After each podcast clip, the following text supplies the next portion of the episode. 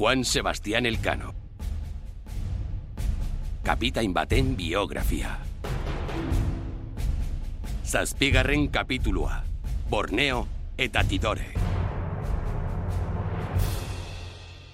Ontzidiak egindako ibilbideari erreparatuz, biztan da etzekitela inondik inora non zeuden espezieen uarteak. Borneo uarte handiaren itxaspazterretik indoa zela. Itxasoa alde guztietan lartzen zen. Oso kostalde zitala da. Beruna eskuetan hartuta nabigatzen genuen, lehorretik gertu, kanpoaldean ondarpe ugari baitaude. Iriaren aurrean ingura botata berehala, sekulako ekaitza hasi zuen.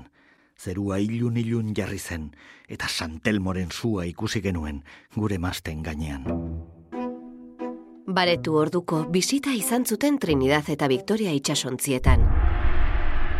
Musika burrumba handiz, bi ontzi gerturatu ziren, brankan sugeen buruen itxurako irudiak zituzten.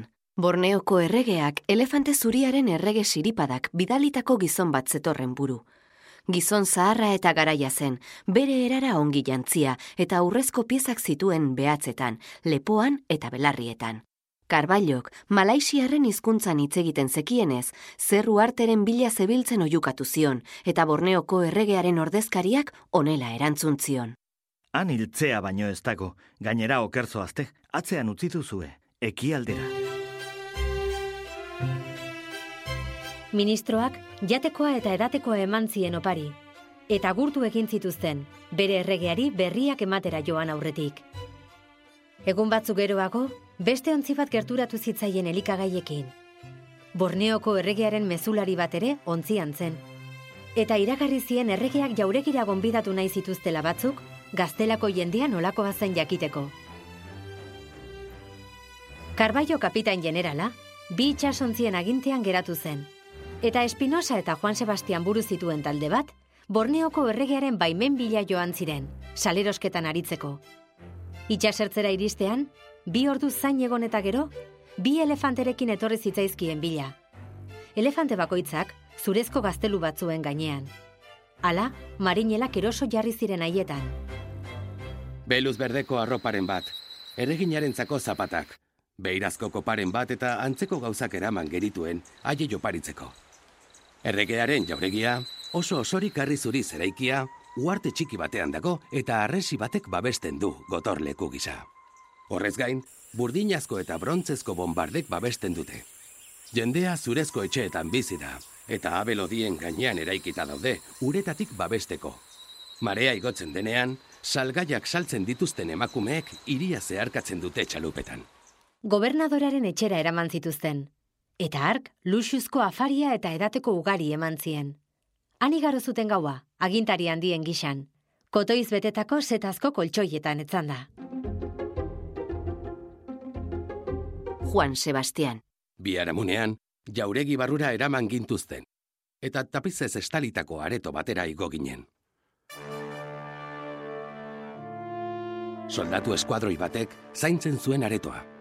Soldaduak koloretako zetaz jantzita zeuden, eta arribitsi zapaindutako dagak zituzten eskuetan. Nabigatzaileak gorteko luxuaz txundituta zeuden. Errege patioan zeuden guztiek urrezko oialak zituzten gerrialdean. Beren sexu organoak estaltzeko. Horrez gain, sastakaiak zituzten. Perlaz eta arribitsiz jositako urrezko kirtenekin. Eta eraztun ugari atzetan. Hainbeste dotorezia, aberastasun eta tresna ikusirik, ezkenituen begiak lurretik jasotzen gure oparixumeen gatik. Eta jainkoari erregutu genion handiko nik ateratzeko. Aretoaren atzealdean, errezel eder batez eskutatutako gune bat zegoen, eta errezela igo zutenean, antxe ikusi zuten erregea, mai baten aurrean eserita, aur bat, printzea ondoan zuela. Zerbitzari batek hainbat galdera egin zizkien, nondik zetozen eta zeren bila zebiltzan jakiteko. Erantzuna entzutean, zerbatena bat hartu zuen eta haren bitartez erregearen idazkariarekin hitz egin zuen begiramendu handiz. Idazkariak beste kainabera bat erabiliz erregeari kontatu zion. Espedizioko kideek ezin zioten barreari eutxi. Alderantzizko bidea erabiliz erantzuntzien siripadak. Txundituta zegoen haien navigazio bidaia luzeaz, adiskidetasun eskaintzak postu egin zuela adierazi zuen eta salerosketan aritzeko baimena eman zien.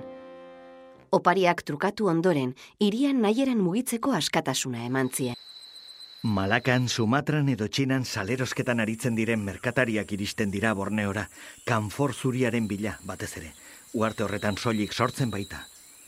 Zuaitz baten erretxina da, oso ona begien infekzioetarako eta erredurak sendatzeko. Mairuak eta paganoak bizi dira, eta ia biluzik ibiltzen dira, beroa dela eta. Espinosa, Juan Sebastian eta kideak, hainbat egunez egontziren irian trukean. Elikagaiak nahi zituzten eta batez ere argizaria eta koko olioa itsasontziak irazgaizteko behar baitzituzten.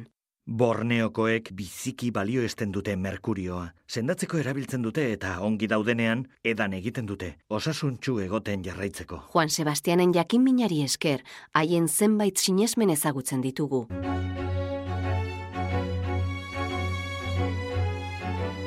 Paganoek eguzkia eta ilargia dituzte beren benetako jainkotzat. Eguzkia eguneko jauna da eta ilargia gaueko Andrea. Hau da, arra eta emea. Ilargia izarren amatzat daukate. Eguzkia ateratzen denean, agurtu eta goretsi egiten dute. Zenbait hitz esanez, eta gauza bera egiten diote ilargiari ere, gauean dirdira egiten duenean. Seme alabak emateko eskatzen diete, bai eta ganadu eta lurreko fruitu ugari ere. Iria usteko baimena eskatu zutenean, Borneokoek ukatu egin zieten hitzonak esanez. Gainera, elkarren gandik banatu zituzten. Agian, siripada erregeak bi itxasontzia haien mehatxua sentituko zuen, eta nahiago izan zuen haiek baitzea. Karbailok, berekideen atzerapenazo hartuta, zenbait junkori eraso egiteko agindu zuen, eta hainbat lagun preso hartu zituzten. Ekintza hori bat zetorren enperadoreak emandako jarraibideekin. Itxasontziren batek ezpadu bakea itzartu nahi, borroka egingo dugu haiekin. Eta krudelkeria zaritzea beharrezkoa bada. Horretarako baimena izango duzue, neurrian, eredu izan dadin.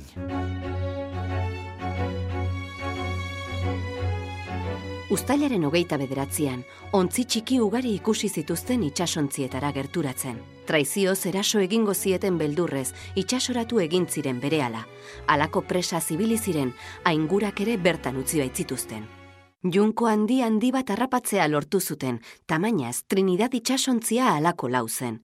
Harrapatu zutenean, Karbailo kinori aholkurik eskatu gabe, kapitaina eta arekin zijoa zen lagun batzuk aske ustea erabaki zuen. Esan zutenez, Karbailok saria jaso zuen haiei ies egiten usteagatik.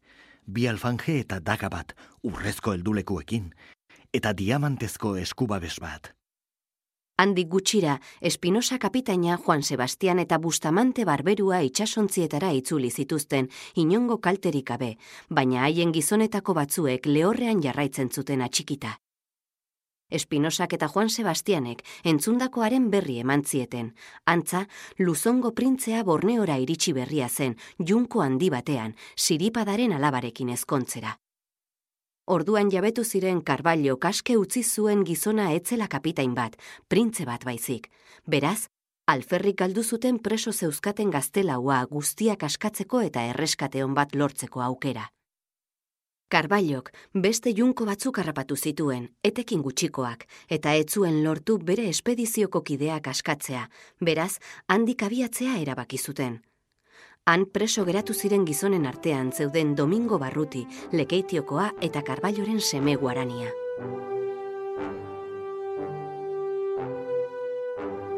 Trinidad eta Victoria itsasontziek Borneora eraman zituen bidean atzera egin zuten eta koko kargamentu handia zeraman junko bat harrapatu. Gero, senadi batean geldialdia egin zuten itsasontzia konpontzeko. Karbailok ez zituen bete jendeak beregan jarritako itxaropenak. Argia, zintzoa, kristabona eta nabigatzaile trebea izateaz gain. Kapitainak zurra eta zentzuduna izan behar du. Bakoitzari bere eskatu eta eman behar dio. Eta Karbailok, hori egiteari utzi zion kapitain general izendatu genuenetik. Francisco Albo kontramaixuak onela berresten du gertatutakoa. Karbailok ez zituen gauzak bere maiestatearen onerako egiten, eta ez zion inori aholkurik eskatzen. Hori dela eta, Juan Sebastian eta Espinosa hautatu zituzten kapitain. Juan Sebastian, gainera, salgai guztien altxortzain eta kontulari izendatu zuten. Jendeak bozkak erabakita Espinosak Trinidad itsasontziaren gidaritza hartu zuen eta Juan Sebastianek Victoria itsasontziarena. Juan Bautista de Ponzeroni Genoarra, Trinidad itxasontziko maixua ontzidia Sebilatik irten zenetik, beste bi kapitainekin batera ontzidiaren xedeak zuzentzeko hautatu zuten, triunbiratu bat osatuz. Aurrerantzean neurritasuna izan zen nagusi, mila bosteun eta hogeita bateko irailaren amaseia zen. Elikagai gutxi zuten, eta bi aste geroago junko bat abordatu zuten. Ordura arte gertatu zenaren kontrara, Martin Mendez eskribauak idatziz jaso zituen gertaerak.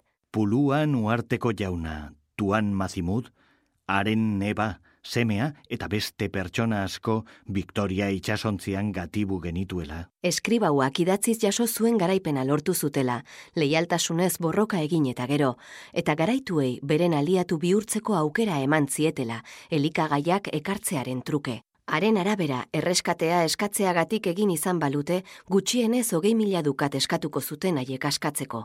Gero, bakea sinatu zuten. Puluango hiru nagusiek beren legearen arabera egin zuten zin. Lehenbizi atza ahoan jarrita eta, gero, buruan mairuen usadioa eta ohitura zen legez.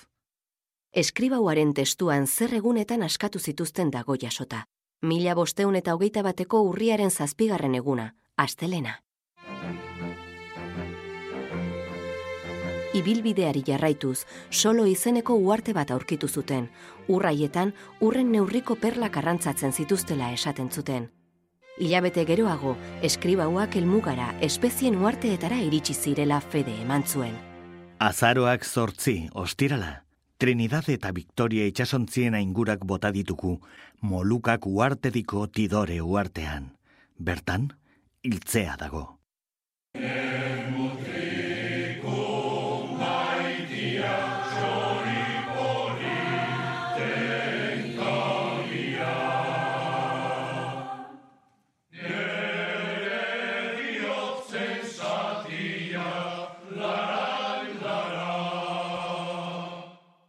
Urte genera matzan moluken bila, itxasoak zeharkatuz, uarte horietan sortzen baitira espeziak. Natura karrotzen begietatik ezkutatu nahi zituen antza. Mila bosteun ta hogeita bateko azaroaren sortzian, ostirala, artilleria guztiaz tiro egin genuen. Uarteak gure begien aurrean genituelata, Jesukristo gure jaunari eskerrak emateko. Iluna barra heldu aurretik, itxasontziak tidore uarteko portuan ainguratu zituzten. Hiltzearen lorearen lurrin epelak dena blaitzen zuen. Zain zeuden bitartean, Espinosa kapitainak, Ponzeroni Maixuak eta Juan Sebastian kapitainak, Carlos Erregearen jarraibideak irakurri zituzten, Trinidad itxasontziko kamarotean. Zorionez, espezien uartera iristen zaretenean, Bakeak eta tratua egingo dituzue lur hartako erregearekin. Gure salgaiei alik eta prezio altuena jartzen saiatuko zarete, eta haiekin egindako tratua idatzita ekarriko duzue. Gogoan izan, indietan askotan ikusi dugula, bertako jendearen gogo ona opari ez irabazten. Armen indarraz baino gehiago. Inola ere ez da onartuko haiei min egitea, asaldatu ez daitezen, eta ez tezala inork emakumeri kukitu.